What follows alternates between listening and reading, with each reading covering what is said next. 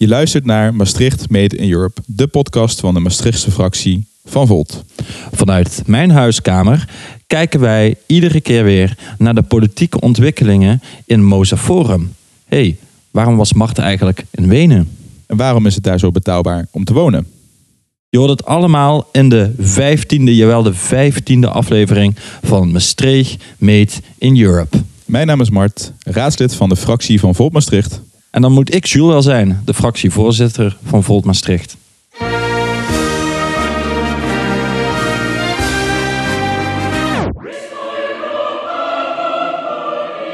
Hey, uh, Mart, zullen we meteen beginnen bij uh, ja, de elephant in the room. Jij was in de hoofdstad van Oostenrijk.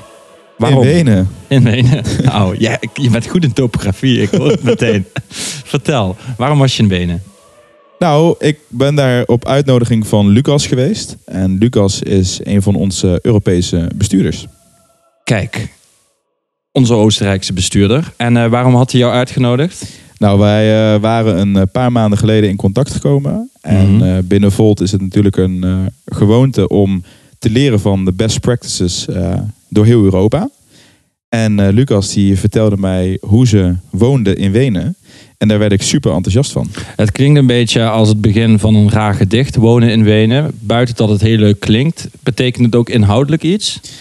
Ja, dat, daar, daar wil ik het heel graag over hebben vandaag. Ik uh, denk dat er uh, heel veel goede dingen op mijn pad zijn gekomen. En natuurlijk ook wel wat kritische punten. En laten we het daar vandaag eens over hebben. Yes, want Volt Europa die kijkt eigenlijk altijd naar de beste voorbeelden in iedere lidstaat in de Europese Unie. Ehm, het idee is dat in iedere Europese lidstaat heb je weer je eigen sterke kanten. Zijn landen in bepaalde dingen goed en in bepaalde dingen slecht. En over het algemeen wordt Oostenrijk en met name Wenen gezien als een stad die de woningmarkt eigenlijk heel toegankelijk en betaalbaar houdt voor um, eigenlijk alle economische inkomensklassen in Oostenrijk. Nou ja, dat klinkt natuurlijk bijna te mooi om waar te zijn voor de Nederlandse woningmarkt, want hier is het toch soms een enorm probleem om al een uh, studio te kunnen betalen in de stad. Dus wat is het geheim van uh, Wenen? Hoe komt het dat het zo betaalbaar is om te kunnen wonen in zo'n mooie en uh, ja, grote stad? Ja, dat is misschien wel goed om uh, uit te leggen uh, dat we natuurlijk niet één op één uh, hetgeen wat in Wenen is hier kunnen overnemen. Er zit natuurlijk een hele hoop geschiedenis aan vooraf. Um, ja, misschien is het ook handig om een paar feitjes op, op een rijtje te hebben. 60% van de inwoners die woont in een vorm van gesubsidieerde woning. Dat is eigenlijk niet eens te vergelijken met, uh, met Nederland. 60% woont in een sociale huurwoning. Begrijp ik dat goed? Nee, dat begrijp je niet goed. Oké, okay. nou goed dat ik het dan vraag. uh, je hebt namelijk uh, drie soorten varianten van sociale huur. Oké. Okay. Dus je kan het niet letterlijk overnemen zoals dat het in Nederland is. Oké. Okay. En de drie varianten, dat is eigenlijk de old housing, de association housing en de public housing. Ja, ja, maar oké, dat klinkt weer als enorm jargon. Maar wat, wat zijn de verschillen daartussen? Is dat heel belangrijk om te begrijpen? eigenlijk uh, heel belangrijk om te begrijpen. Um, ik denk dat het eerst goed is om terug te gaan naar waarom zijn er überhaupt betaalbare woningen in Wenen. Um, op een gegeven moment uh, na de oorlog is er een vrij uh, ja, duidelijke politieke shift geweest in Oostenrijk. Mm -hmm. En um, ja, dat is eigenlijk te vergelijken met de PvdA hier. Mm -hmm. En ja, daar is toch de werknemer uh, heel centraal in, uh, in de politiek. Dus... dus als ik het goed begrijp, al in dit eerste stuk, is dat Oostenrijk gewoon toch een langere linkse traditie heeft dan ja. uh, Nederland. Kan je dat zo zeggen? Ja, eigenlijk ook gewoon een sociaal-democratische meteen. Dat is ook wel eigenlijk letterlijk hoe het in Oostenrijk is. Um, en die zijn eigenlijk al vanaf uh, na de oorlog aan de macht. Dus zij hebben een hele lange strategie kunnen voeren op woonbeleid. Ja. Dus dat is niet om de zoveel jaar veranderd. Natuurlijk wel bijgeschaafd. En zij begonnen eigenlijk dus met die old housing. Dus dat is eigenlijk de eerste variant. En um, die zou je eigenlijk kunnen uitleggen door um, huizen die uh, al eerder gebouwd zijn. Die zijn meer dan 100 jaar oud. En die dus in... toen na de oorlog bestonden die al 100 jaar, ja. al ver voor de oorlog? Ja, okay. precies, ja, precies. Voor de oorlog bestonden ze inderdaad. Inmiddels dus meer dan 100 jaar oud. Ja. En het interessante daar is dat, um, ja, dat er dus door heel de stad zijn die type woningen te vinden. Mm -hmm. um, en je kan daar ook heel makkelijk aan een woning komen. En dat is namelijk, je hoeft alleen maar inkomensbewijs te laten zien. En je moet drie maanden eh, vooraf betalen. Dat je dus Mhm. wel kan laten zien, ik kan eh, eventueel eh, mijn huren betalen. En het belangrijkste aan die eh, vorm van woning is dat het natuurlijk wel oude gebouwen zijn. Ja. Ook wat minder goed geïsoleerd. En dat mensen dus ook wel begrijpen dat je niet in een bepaalde kwaliteit eh, van een woning leeft. Dus dat is misschien al wel de eerste variant om eens uit te leggen. Ja, en dan kan ik me ook voorstellen dat een energiecrisis bijvoorbeeld, wanneer het toch in zo'n eh, huis, dat het je toch eh, wel duur kan uitkomen. Ja, nou ja, daar, dat heb ik niet eh, in, in alle eerlijkheid eh, gehoord. Eh, Nee. Maar ik kan me voorstellen dat dat wel een juiste aanname is. Ja, ja. Oké, dus dat is de old housing. Maar eventjes dan daar blijven hangen. Waarom zou zo'n old housing überhaupt mogelijk kunnen zijn? Want dan betekent dus eigenlijk dat de regering toch de eigenaar is van Ja, die die huizen? zijn opgekocht. En eh, op een gegeven moment is er dus zo'n eh, beleid geweest. Dat ze hebben gezegd, we gaan en zelf panden baken Ja. en we gaan panden opkopen. En dit zijn de panden die ze dan zelf hebben opgekocht. En daar staat dan ook op de muur dat het overheidshuizen zijn. En dus daar staat dus ook echt op, dit is van de gemeente Wenen. Ja, ja.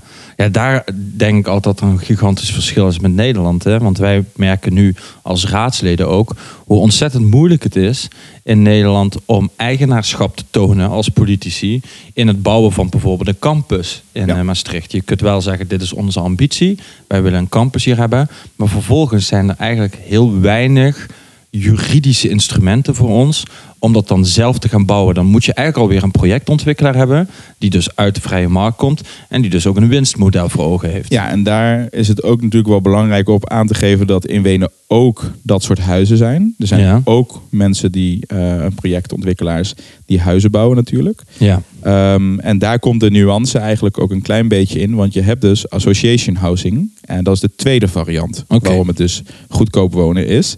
In Wenen. En ehm, die huizen zijn iets meer buiten het centrum. Zijn wat nieuwer. Ehm, zijn eh, uiteindelijk ehm, door eh, ja, woningbouwcorporaties eh, gemaakt. Mhm. En daar is het misschien wel goed om te weten dat die niet commercieel mogen handelen. Dus in Nederland mag je dat deels namelijk wel. Je mag winst maken als woningbouwvereniging, deels op bepaalde eh, woningen. Ja. En in Wenen geeft men aan dat mag gewoon niet. Hé, maar wacht, voordat ik je niet meer begrijp, er komt dus wel iemand vanuit de markt, komt dat bouwen. Die mag geen winst maken. Vanuit een kapitalistisch perspectief zou ik toch denken, waarom zou zo'n ehm, corporatie in hemelsnaam nog die huizen willen bouwen als ze geen winst mogen maken? Nou, kijk, je, dat is een hele goede vraag. Uiteindelijk is dat dus iets wat door de overheid, ge- ja, daar zit het bezit. ja. Dus zij voeren het uit. Dus zij, mogen, zij maken natuurlijk wel, zij maken geen verlies op die woningen. nee, oké. Dus het is eigenlijk eh, zo'n kleine marge dat ze dus de, ja, de mensen en de werknemers kunnen betalen, maar dat er geen grote bankrekening op, op komt iedere maand, omdat ze enorm veel winst te maken. Mocht daar overschot op zijn, investeren ze dat weer in nieuwe woningbouw. Ja, dus ze worden eigenlijk een soort van ingehuurd door de overheid. En daar krijgen ze natuurlijk allemaal een mooi bedrag voor, zodat ze zelf ook gewoon een normaal leven kunnen leiden. Precies. Maar het kan geen enorme business zijn, zoals Precies. dat hier wel is bij huisjes. Zoals dat hier, ja, en dan maak je een lastige vergelijking. Want ik denk dat een woningbouwvereniging in Nederland niet te vergelijken is met een, een, een huisjesmelker, om het Ja. zo te zeggen. Ja, Dat is echt privébezit. Ja, ja. Eh, als je hier een, eh, bijvoorbeeld in Maastricht hebben we Woonpunt. Die, dat is ook een eigenaar van heel veel panden. Die mogen dus wettelijk maar 10% winst maken. Oké. En daarboven, eh, dan gaan we, ja, dat, daar, dat mag dus niet. Kijk, je bent er echt diep ingedoken, Mart. Ik merk het meteen. En dan heb je dus nog die laatste categorie. Ja, dat is de derde categorie. Dan dat is public housing. Ja. Die zijn ook door de hele stad te vinden. Ehm, en het lastige daarvan is, is dat je daar heel moeilijk aankomt. Dat zijn namelijk eh, huizen die ehm, ja, toch wel eh, rela- relatief jong zijn. Ehm, en daar zeggen ze van, die zijn echt in het bezit ook van de gemeente. En zij Zo. zeggen, wij beheersen alles. Wij beheren alles. En dat Mm. betekent dat er hele strenge criteria zijn. Ehm, en eh, een van die voorbeelden is bijvoorbeeld dat je, als jij kan aantonen dat je slechter been bent, en jij moet bijvoorbeeld nu vier trappen op, dan kom je op de wachtlijst te staan van een public housing. Oké, oké. En eigenlijk, ja, ehm, bij sociale huurwoningen in Maastricht is het natuurlijk ook best wel moeilijk om daar aan te komen. het is eigenlijk wel grappig dat je zegt dat je daarin de hele tijd een vergelijking maakt. Ehm, ja, je kan het eigenlijk niet één op één, één, op één overnemen. Mhm. En als je even kijkt eh, hoeveel procent ehm, ja, je kwijt bent aan eh, woonlasten. Dus niet hoeveel procent wonen in sociale huurwoningen, maar echt wat is je percentage van je inkomen dat je kwijt bent aan wonen. Ja. Dan, eh, ja, dan mogen we denk ik in Maastricht best wel achter onze oren gaan krabben. In Maastricht is dat namelijk voor een gezin 42% van je inkomen. Nou, dat was vroeger in Nederland ergens hoog in de 30 of een beetje midden 30 procent. Oké. dus dat is de laatste jaren dus echt omhoog gegaan. Ja. En als je dat naar studenten trekt, is dat 58% van je woonlasten. Dus een student in Maastricht eh, was in 2019, want dat is eh, de meest recente data die ik daarvan kon vinden, was 58% van, eh, van hun inkomen kwijt Zo. aan wonen. Meer dan de helft. Als je dat vergelijkt eh, met eh, bijvoorbeeld Parijs, Ja. is dat Dure stad. zeker is dat 31%. Oh nee. En ehm, dus op het moment dat je Maastricht al vergelijkt met Parijs, zie je al dat het dus eigenlijk wel heel erg met beleidskeuzes te maken heeft. En op het moment dat je het naar Wenen gaat, dan zit je eigenlijk ergens in de eind 20 Dus Zo. die zijn, je bent veel minder geld kwijt, Ja. procentueel gezien, om te wonen in Wenen. Ja, ja. ja want het Nederlands budgetadvies zegt er altijd... een derde van je inkomen moet naar de huur toe. Dan heb Ja. je een mooi, mooie huurprijs te pakken. Daar, eh Wenen krijgt het dus eigenlijk voor elkaar... om nog beter te scoren dan het landelijk advies... wat al heel moeilijk haalbaar is in Nederland. Ja, en Nederland, in Maastricht krijg je het dus niet voor elkaar. Nee. En ehm, het lastige is ook, op het moment dat je kijkt naar een sociale woning in Nederland, Ja. zijn daar, eigenlijk is dat alleen de laatste variant die ik net opnoemde, Ja. kom je heel moeilijk voor een aanmerking. Eh, en er is een hele lage eh, grens. En daarmee bedoel ik dat het best wel, eh, op het moment dat je redelijk, redelijk goed gaat verdienen, of veel gaat verdienen, dan zit je heel snel al in de publieke sector. Ja. Oké. Maar dan goed, ik begin dan toch een beetje achter mijn oren te krabben. Want ik denk, ja, aan de ene kant super interessant dat jij daar naartoe bent gegaan. Dat jij ook eigenlijk iets heel alarmerends daar ontdekt over Maastricht. Ik denk dat dat typisch Volt is. Dat een andere stad die spiegel kan eh, neerzetten voor je. Maar ehm, de hamvraag is natuurlijk, wat nu? Wat ga je met al deze informatie doen? Voor Nou ja, Maastricht. het is, dat is natuurlijk een hele goede vraag. En ik proef ook nog wel een beetje eh, kritiek bij je. Dus ik ga je proberen daarin eh, nog een beetje te overtuigen als je het niet erg vindt. Ehm, een van de belangrijkste dingen is, voordat ik antwoord geef op die laatste vraag, Ja. vind ik dat ik het heel belangrijk vind dat het vanuit mijn eh, oogpunt, vind ik het eigenlijk heel gek dat we heel erg op inkomen scheiden. Dus op het moment dat je zegt van ja, maar je verdient dus bijvoorbeeld eh 30.000 euro in Nederland, Mhm. dan woon je in deze woning. En als je 50 of 60.000 euro woont, dan woon je in wijk B. Oké. En eh, vanuit dat oogpunt vind ik het best wel vreemd. Want uiteindelijk ben je toch met elkaar in een samenleving. En is het best wel zonde dat je eh, wijken creëert voor rijke mensen en wijken creëert voor minder rijke mensen. Ja, ja. En ik denk dat dat het allerbelangrijkste is. En dat doen ze in Wenen supergoed. Daar is namelijk de inkomensgrens echt best wel hoog. Eh daar zit je op 49.000 euro. En dan mag je daar nog eh, in een sociale woning eh, wonen. Zo. Nou, dat is niet te vergelijken met Nederland. Eh de precieze cijfers daarvan heb ik nu niet paraat. Maar dat is echt een stuk meer Mhm. in Wenen. Waardoor de timmerman en de dokter naast elkaar wonen. ja, ja. En dat is zo essentieel, vind ik in ieder geval. Maar ik weet niet hoe jij daar naar kijkt. Ja, dan krijg je natuurlijk helemaal dat, dat clichébeeld wat je in Maastricht ook hebt met bijvoorbeeld Sint-Pieter versus Witte Vrouwenveld. Dat krijg je dan veel minder. Hè? Ja. Dat je die segregatie Ja. toch tegengaat. En die, heb, die is in, in, eh, in een stad als Maastricht eh, tamelijk groot en problematisch. Ja, nou ja, kijk, op het moment dat je hier eh, een kilometer van elkaar vandaan woont, Ja. kan, kan een, een wijk compleet anders aanvoelen. En je perspectief en je kansen compleet eh, anders voordoen. De scholen zijn anders. ja, maar ook de je sociale eh, groep mensen waar je mee omgaat. Ja. Dus eh, op jouw vraag te beantwoorden, wat wil je meenemen? Ik zou zeker niet pleiten voor een één op één overname van die regels. Mhm. Want ehm, ja, een van de nadelen is wel dat je vrij scheef kan wonen in Wenen. Ja, je kan op een gegeven moment in een van die drie type huizen terechtkomen. En daarna hoef je niet meer te laten zien wat je inkomen is. Oh, kijk. Ja. Dus je kan eigenlijk na een paar jaar, als jij wat uh, beter gaat verdienen of wat meer gaat verdienen, kan je heel snel scheef gaan wonen. Oké. En dat is eigenlijk heel problematisch. Ja, tuurlijk. Dus je kan natuurlijk ook leren van de fouten uitwenen. Ja, want daardoor blijft dat relatief stilstaan. Ja. Dus op een gegeven moment is het, ga je dus langer op een wachtreis en kom je eigenlijk in dezelfde problemen als dat wij hier in Nederland oh, hebben. Ja. Dus ik zou willen pleiten, uh, leer van uh, de varianten die je hebt in Wenen. Mm -hmm. um, zorg ervoor dat je minder winst kan maken in, uh, in Nederland met, met woningbouw. Mm -hmm. en zorg binnen sociale huur natuurlijk. Mm -hmm. En zorg er ook voor dat je strenger bent. Dat je af en toe moet laten zien wat je inkomen is. Zodat Ja. je ook kan doorstromen. Ja. Want dat is natuurlijk een van de grotere problemen in Nederland ook. En hoe ga jij eh, in hemelsnaam de rest van eh, de gemeenteraad en Moza Forum ervan overtuigen dat dit inderdaad een goede visie van je is? Want niet iedereen luistert natuurlijk naar jouw podcast. Ja, ik merk dat je vandaag wel heel kritisch bent. Ja, eh, ik Dat, ben, ik eh, ben echt in een eh, kritische modus Nee, vandaag. dat, dat is ook wel eens een keer goed. Ja. Nou ja, daar heb ik nog niet zo goed over. Nee, daar heb ik er zeker over nagedacht. Oh, wat een verrassing. Ehm, ik heb inmiddels samen met D66, die ook een vrij stevig kijk op woningbeleid heeft, ehm, hebben wij een plan ingediend bij de G4.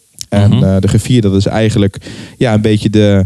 Nou ja, hoe zou jij dat eigenlijk uitleggen wat de G4 is? Ik, eh, ik van de eerste keer dat ik het woord griffier hoorde, dacht ik, dat komt uit een boek van J.K. Rowling. Het klinkt heel erg Harry Potter-achtig. Maar, maar, maar de griffier is eigenlijk ja, de, het hoofd van, van, van het secretariaat hè, Ja. van eh, de gemeenteraad. Alle randzaken worden door hun geregeld. Ja. Dus ook verzoeken zoals deze. Want het Mhm. verzoek wat ik dus heb ingediend is om met op zijn minst een delegatie eh, eh, naar Wenen te gaan. Ja. Ehm, met de trein. Eh, misschien ook wel goed om meteen eh, aan te geven. ja, dat we niet met 39 vliegtuigen precies, naartoe gaan. precies. Eh, ja, dat zou wel heel veel zijn met 39 vliegtuigen trouwens. Iedereen een eigen vliegtuig dan. ja, ja, ja.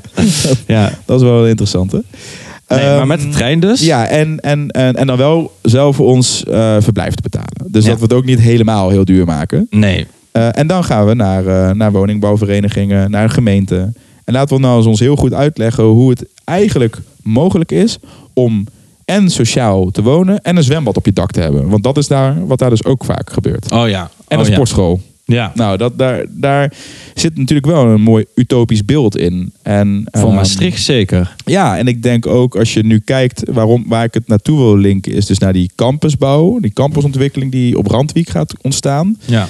Ehm, vind ik het eigenlijk heel essentieel om te kijken, kunnen we misschien 5 of 10 procent leren van Wenen?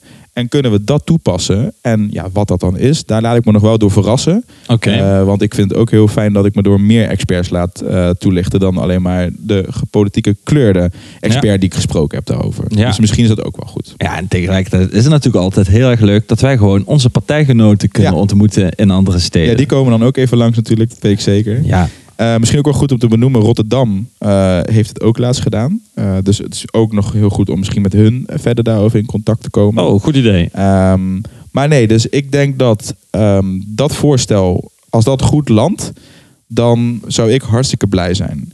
Daarnaast is het ook misschien wel heel belangrijk om meer te kijken naar hoe we hier in de regio met woningbouw omgaan. Want ehm, dat is natuurlijk iets waar we het al heel vaak over hebben gehad, over openbaar vervoer. Mhm, Op het moment dat je het openbaar vervoer hier nog toegankelijker maakt, mhm. dan maakt het vooral voor een international die bij wijze van spreken uit eh, Japan komt of uit een andere grote metropool Mhm. veel minder uit of je nou in Maastricht in het centrum woont of misschien in Sittard. Ja, ja. Dus je wil eigenlijk dat ook een klein beetje erbij pakken. Kijk, kijk.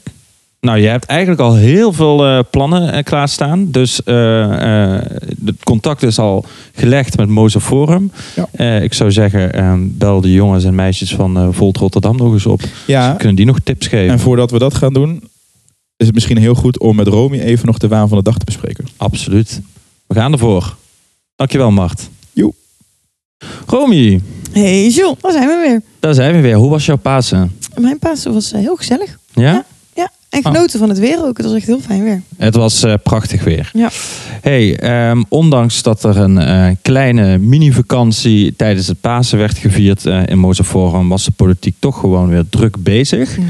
Ehm, wat heeft er allemaal op die agenda gestaan? Laten we eens beginnen met die vragen die we mede hebben ingediend met GroenLinks en de Socialistische Partij. Waar gingen die over? Ja, die gingen over het demonstratierecht in Maastricht. Ehm, want er is een tijdje terug is er een, eh, een rapport eh, eh, uitgekomen van Amnesty International. En daar staat eigenlijk in dat het proces in Maastricht niet helemaal deugt. Ehm, en dat is best wel schokkend, vond ik. Ehm, en, en, en waar dat dan aan ligt, is dat men in Maastricht eigenlijk spreekt over een vergunning. Terwijl het juridisch eigenlijk helemaal niet de bedoeling is dat je spreekt over een vergunning. Een demonstratie hoef je eigenlijk alleen maar aan te kondigen, zodat de gemeente daar rekening mee kan houden op het gebied van handhaving, eh, politie-inzet, dat soort dingetjes. Ze kunnen suggesties doen om het te verplaatsen naar een andere locatie ehm, of op, op een andere dagplaats te laten vinden. Ja. Ehm, maar het gaat eigenlijk niet om een vergunning. Ja, ja dus eh, officieel eh, mag je van de Nederlandse wet mag je gewoon demonstreren wanneer je wil. Mhm. Hoef je geen vergunning aan te vragen. Dat is in Maastricht ook het geval eigenlijk. Maar ze zeggen in de procedure noemen ze toch een vergunning, waardoor je dus eigenlijk de indruk krijgt dat dat wel het geval is. Ja, precies. Het gaat dan vooral inderdaad om die, eh, om die verwoording. En dan, dan zijn er nog een aantal andere dingen die ook een beetje ehm, ja, dubieus eh, te, te noemen zijn eigenlijk. Ehm, je hebt bijvoorbeeld een DigiD nodig om zo'n vergunning, tussen aanhalingstekens dan, aan te vragen. Mhm. Eh, om die demonstratie aan te kondigen. Moet je, dat moet je doen met een DigiD.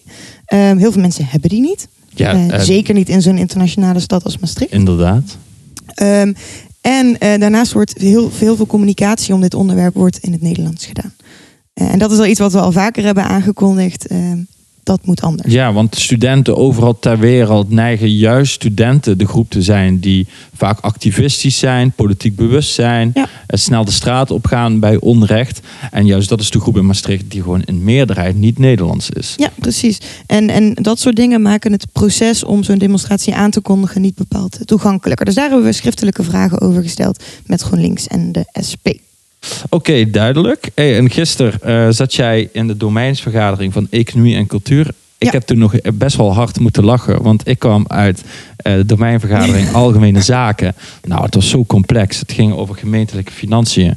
Dan kom ik naar de domeinvergadering Economie en Cultuur, waar jullie zitten. En ik hoor allemaal festivalmuziek. Ja, jij zegt nou, ook ik- altijd dat mijn domein het pretdomein is. Ja, hè? maar dat klinkt, het klinkt gewoon altijd gezelliger bij jullie. Dus eh, vertel eens, wat, wat- want jullie hebben het natuurlijk gewoon wel over serieuze dingen. Ik zit hier natuurlijk te Ja, dollen. het moment dat jij binnenkwam was, eh, toen hadden we het over de evaluatie van het festival Maas. Oh, dat is een festival dat afgelopen jaar is georganiseerd. Een stadsbreed festival. Supergoed ontvangen, maar er waren ook wat kritiekpunten, voornamelijk omtrent eh, geluidsoverlast. Mhm. Ehm, en eh, de organisatie kwam een presentatie geven met een, een evaluatie. En we konden daar vragen over stellen.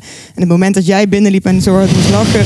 was omdat wij een YouTube-filmpje aan het kijken waren... ehm, over de aftermovie. Om een beetje een, een beeld, een, een sfeer-idee te krijgen... van hoe het festival eruit zag. Maar ja, festivals zijn ook belangrijk voor de stad. Ja, precies. precies. Heel belangrijk dat we dat, eh, dat ook meenemen. Maar het, het, een van de eh, andere onderwerpen die aan bod kwam... waren de eh, sport- en speelplekken... of die voorzieningen in onze stad. Ehm, een tijdje terug ehm, eh, was er sprake van een hele grote bezuiniging... rondom die sport- en speelplekken. En nu wordt die bezuiniging teruggedraaid. Dus er zouden heel veel sport- en speelplekken verdwijnen... Maar ehm, dat gaan we nu toch niet doen. Maar we gaan het anders aanpakken. En wat, wat er is gedaan is er een heel groot participatieproces is vormgegeven door de gemeente.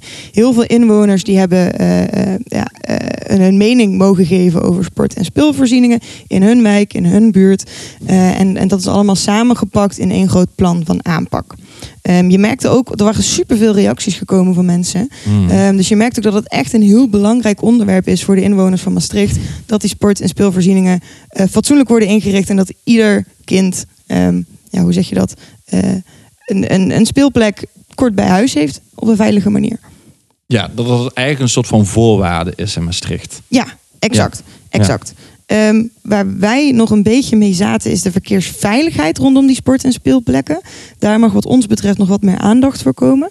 Ehm, en daarnaast was het een best wel groot participatieproces. Maar het bleek dat voor niet alle inwoners altijd even duidelijk was wat er met hun input gedaan zou worden.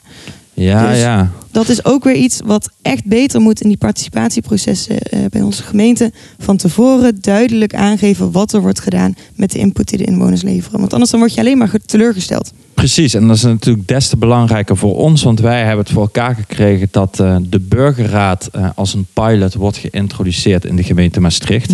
Eh, waar dus inderdaad allemaal verschillende burgers worden ingelood om te besluiten over de politiek. Maar ja, ook daar is het van gigantisch belang dat dat participatieproces wel iedereen meeneemt. Ja. De verwachtingen duidelijk zijn en dat er daarna ook duidelijk wordt geëvalueerd. Anders voelen mensen Exact. zich toch een beetje ontheemd in dat proces. Dat helpt niet mee met het vertrouwen in de politiek eh, nee, versterken. nee, Wat ook nog een leuke is om te benoemen over dit onderwerp, is dat er een motie was ingediend, ehm, eh, of in ieder geval gepresenteerd werd door de PvdA.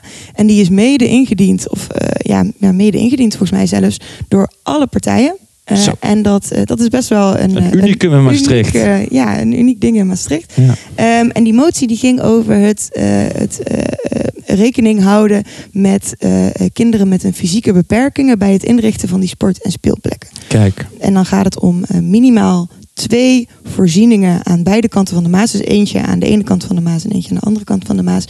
Waar dus in ieder geval een toestel komt voor fysiek beperkte kinderen. Dat die Hartstikke daar mooi. ook, eh, gebruik van kunnen maken. Heel Ja. mooi, ja. ja. Hey, en ehm, meanwhile, other developments continue. We Mhm. hebben die eh, vragen toch een hele tijd geleden ingediend over eh, grensoverstijgend openbaar vervoer. Hebben we het Ja. ook veelvuldig over gehad in Ja. onze podcast. Hoe gaat het met die vragen? Vragen moeten antwoorden krijgen. Ja. Hebben wij al antwoorden? Vragen moeten antwoorden krijgen. Helaas niet. En eh, normaal gesproken, eh, volgens mij is het zes weken toch dat het Ja, college dat is, eh, om antwoord te geven. Maximale tijd dat ze De maximale tijd. Ja, en af en toe dan krijg je het antwoord dat, de, dat, eh, dat het college toch eh, wat langer nodig heeft om die vragen te beantwoorden.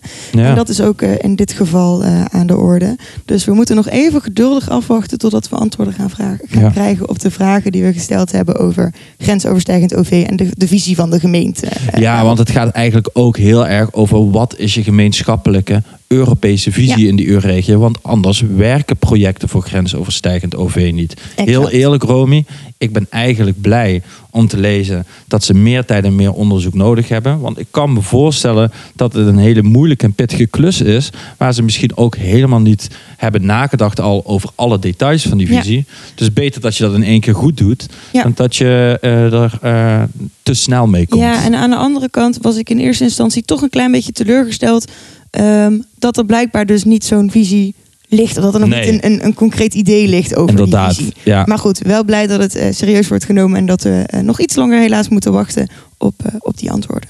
Ja, en, en voor Europese visie zijn wij dat toch? zeker. Ze kunnen altijd contact opnemen met jou, denk ik. Nou, precies. Hey, de zon schijnt en laten we naar buiten gaan.